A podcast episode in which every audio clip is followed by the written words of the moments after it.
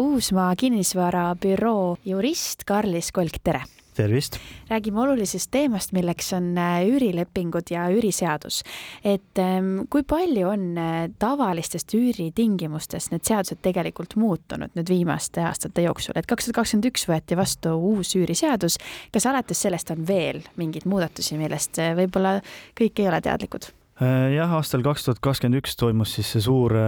üüriregulatsiooni muudatus aasta alguses kohe. sellest ajast saadik nüüd äh, minu mäletamist mööda rohkem nagu suuri muudatusi ei ole olnud, et see oligi nagu see suur muudatus, mis siis tehti ja noh, seal siis päris, päris mitmed asjad nagu muutusid, mis äh, varem tekitasid võib-olla probleeme ja nüüd siis peaks olema nii-öelda lahendunud. näiteks millised olukorrad olid need, mis varasemalt probleeme tekitasid? Äh, no üks asi oli ikkagi need kõrvalkulud, eks ole, et äh, ehk siis kommunaalid, et mida siis võib üürnikult küsida, mida ei või, sest et äh, praktika oli see, et kõik, mis kõrvalkulu arvel peal kirjas oli, tavaliselt üürnik maksis, on ju, et ja noh, see tekitas probleeme, sest et seal oli ju ka igasugused remondifondid, hoolduskulud, kasvõi isegi korteriühistu laenukulud, et äh, kõik need pidi siis üürnik äh, noh, vastavalt kokkuleppele maksma, aga äh, ei olnud sellist äh, tegelikult äh, lubatud tingimust, et Äh, seaduses, et, et äh, üürnik neid seaduse järgi peaks maksma, mis tekitas siis probleeme. Äh, inimesed hakkasid küsima üürileandjalt raha tagasi, kuna inimesed said siis teadlikumaks oma õigustest ja, ja seal siis tekkiski see küsimus, et kas see on heausu põhimõttega kooskõlas, mis on üks nagu seaduse tähtsamaid põhimõtteid, et kuna läbi aastate oli heauslikult nagu üürileandja seda raha kogunud ja mõnikord oli isegi selline kokkulepe, et okei okay,, et võib-olla seaduse järgi ei tohiks küsida, aga üürnik nii väga tahab seda korterit, et eh, et ta maksab selle ja mingit probleemi ei ole, hiljem siis küsib raha tagasi, et see on nagu heausu põhimõttega siis vastuolus, et see tekitaski väga palju probleeme, et, et kui siis hakati seda raha nagu tagasi nõudma ja seda sai siis nõuda lausa kolm aastat tagasi, on ju, et, et päris suur summa siis ikkagi, mis üürleandja pidi seal tagasi maksma üürnikule, et, et see siis nüüd selle uue regulatsiooniga, mis nüüd kaks tuhat kakskümmend üks jõustus, lahendab lahendati, et äh, jäetigi üürileandjale võimalus, et, et äh, tegelikult ka remondifondi ja sealhulgas siis noh, tegelikult peale remondifondi hoonega seotud selliseid äh, kulusid üürnikult nõuda. et see on seaduslik nõuda? Jah, et äh, see on seaduslik nõude, seal on muidugi omad nüansid, mida peab järgima, et seal on siis sellist kolm tingimust, et äh, peab olema siis mõistlikus suuruses, proportsionaalne ja ettenähtav üürniku jaoks see kulu, et noh, need äh, iseenesest on ka veel küsitavad siis, mis on mõistlik, eks ole, et noh, mõistlik võib-olla tähendab seda, et need kulud peavad vastama turutingimustele, et need ei tohi olla liiga ülemäärased kulud, mis siis seal on, mis iganes remondi, remondikulud. Äh, proportsionaalne peaks äh, tähendama seda, et äh, järgi, jälgima siis, et mis tähtajaks on üürileping sõlmitud, et kui pikk see periood on, et kui see on väga lühike, siis ei tohiks üürnikule jätta nagu väga suuri kulutusi kanda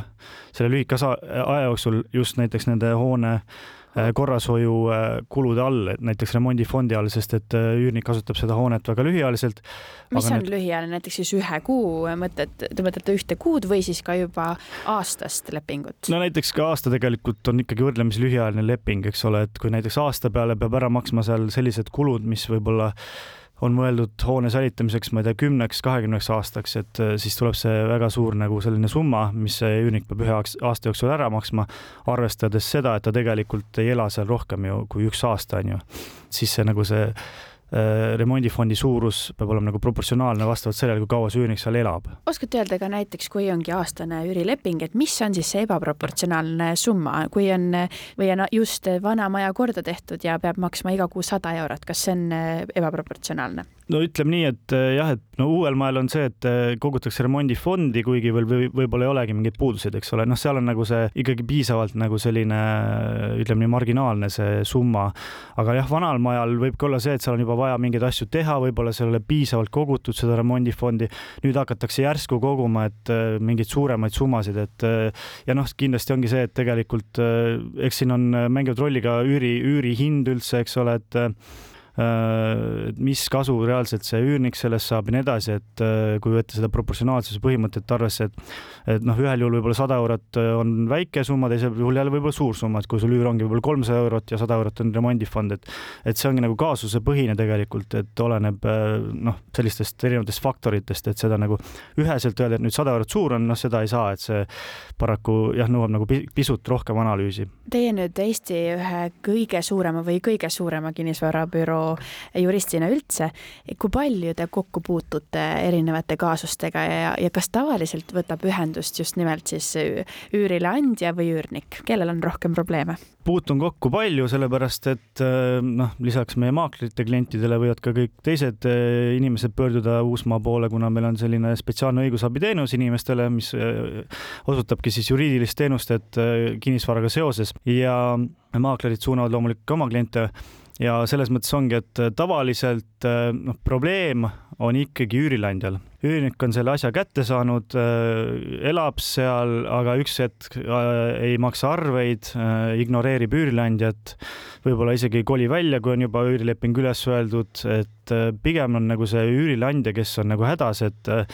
ta ei saa minna ja välja tõsta isikut niisama, et äh, isik seal elab, kasutab siis seda pinda, aga ei maksa ühtegi arvet, et üüri, üüritulu ei tule omanikul, äh, üürileandjal siis muudkui need kulud kasvavad, maksab oma taskust kinni võib-olla seal kõrvalkulud ja nii edasi, noh, väga tihti on ka üürileandjal veel võetud pangalaen, on ju, et äh, üldse seda üüri, üürieset saaks äh, omada ja, ja siis tekivadki just need probleemid, et oleks vaja siis välja nõuda äh, võlgnevus, pluss siis tegelikult ka veel üürnik välja tõsta, sest et äh, jah, nii ei saa, et helistad politseisse, et mul on siin üürnik, kes mul ei maksa ja välja ka ei koli, et politsei kahjuks ei aita, et see on äh, ikkagi inimeste omavaheline vaidlus, tsiviilvaidlus millega tuleb pöörduda siis kohtusse ja siis kohtus, kui on olemas lõpuks see kohtumäärus,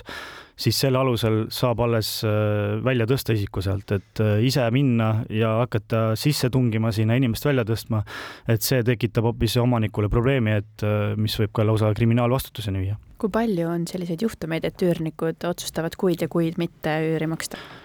Jah, tegelikult on selliseid juhtumeid üllatavalt palju ja ma näen selle põhjusena seda tegelikult, et äh, ei tehta võib-olla sellist äh, tavapärast taustakontrolli üürnikele, mida, mida tuleks teha, et äh, üürniku valimine on ikkagi väga tähtis osa, et äh, noh, alati neid kandidaate on, on ju, ja, ja selles mõttes äh, neist kõige parem välja valida, kes siis äh, ilusti seal elaks, ei kahjustaks seda ja maksaks ka üüri Äh, korrektselt, et see on äh, tegelikult sinna on vaja sisse panna väga suur eeltöö, et, äh, see on ikkagi selline pikaajaline, noh, üürileandja jaoks ikkagi see paras, paras pikaajaline kohustus, et võtta sinna keegi ja loota tema peale, et temal tuleb üüritulu, et see, sa paned nagu oma usalduse sellesse inimesse, kes sa sinna võtad, et jah, tuleb neid ette, et paraku, et aga jah, et kui on hea taustakontroll, siis see võimalus on nagu väiksem. taustakontrolli siis kuuluvad ka, on õigus küsida täielikke nii-öelda sissetuleku, sissetulekute andmeid, nii ametlikke kui ka mitteametlikke? Äh, jah, mina leian, et on õigustatud huvi äh, selleks äh, nii, kui on maakler, kui ka nii maakleril siis kui ka üürileandjal. üürileandjal loomulikult selleks, kui ta juba hakkab lepingut sõlmima, siis lepingu täitmiseks ta võib küsida neid andmeid, aga seni, kuni ta nagu otsib veel ja lepingupartnerit ei ole, seni mina leian, et on õigustatud huvi selleks mis on nagu üks aluseid andmete töötlemisel, et äh, kuna ikkagi eesmärk on leida ju lepingupartner endale, et siis võib küsida seal jah, Äh, üürniku käest erinevaid küsimusi, et äh, kas sul on mingeid maksehäireid, äh, teha, ma ei tea, võib-olla isegi täiendavat kontrolli, küsida tööandjalt mingeid andmeid, mida on vaja, et kas see inimene näiteks töötab üldse seal, on ju, et kui palju ta palka saab, et sellised nagu andmed on tähtsad, et samamoodi tegelikult kui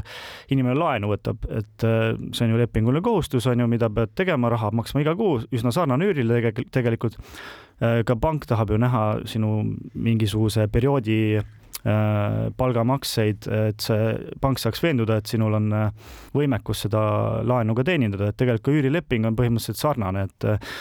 et sa pead suutma mingi aja jooksul äh, maksta seda üüri, et, et, et loomulikult siis on kohane, et inimene oleks võimekas. kui rääkida nüüd äh, üürnikest, siis äh, mida soovitaksite üürnikele, et vaadata üle enne lepingu sõlmimist, et mis on need ohupunktid, kus võib nii-öelda sattuda ebameeldivasse olukorda? Kindlasti soovitan vaadata, et üürileping ei oleks äh, liiga äh, nii-öelda koormav üürniku jaoks, et äh, kuna tegelikult seadus meil kaitseb üürnikku, just eluruumi üürnikku, et siis on seadusega ette nähtud sellised sätted, mida tegelikult üürileandja ei või enda kasuks muuta, et näiteks ongi, et kui tähtajatu üürileping on, siis äh, soovitakse väga tihti, et üürileandjal oleks õigus, et ma ühe kuu ette teavitan ja siis üürileping lõpeb. tegelikult seadus seda ei luba, seadus ütleb minimaalselt kolm kuud äh, ette teavitada võimalik, et äh, siis leping lõpeb alles kolme kuu pärast teavitamisest, et kontrollida üle, et kui ei oska ise nagu aimata, et missugused sätted need on, millest üürileandja ei tohi kõrvale kanduda, kalduda, siis soovitan äh, kasvõi juristiga konsulteerida, ka maaklerid, pädevad maaklerid tegelikult oskavad äh, välja tuua et mis need siis äh, sellised äh, sätted seal on, mida peaks vaatama. Äh, ja noh, näiteks Uusmaal meil ongi oma nagu üürilepingu põhi, mida me pakume oma klientidele välja ja seal on kõik sätted on seadusega kooskõlas. ja kui üürileandja tahab teha seal muudatusi, mis lähevad seadusega vastuollu, siis me anname sellest üürileandja teada, et tegelikult selline seadus, selline säte ei ole lubatud seal kui nad ikkagi tahavad lisada, no me ei saa kätt ette panna, siis me üürnikule ka teadvustame, et tegelikult see on äh, noh, teie omavaheline kokkulepe, et seadus tegelikult ütleb niimoodi. et et äh, kindlasti jah, see leping üle vaadata. ja noh, loomulikult äh, noh, üürnikul tasub tutvuda igasuguste kõrvalkuludega, et äh, mis need kõrvalkulud on seal üüripinnal, et ei tuleks üllatusena, kui esimese kuu arve tuleb, et oi, nüüd on nii suur kõrvalkulu mul kommunaalide näol, eks ole, et et need kindlasti üle vaadata, et see on üürniku õigus küsida, et mis on eelnevate kuude, näiteks talvised ja suvised kommunaalarved olnud. Karlis Kulk, suur aitäh tulemast ja vastamast! aitäh kutsumast!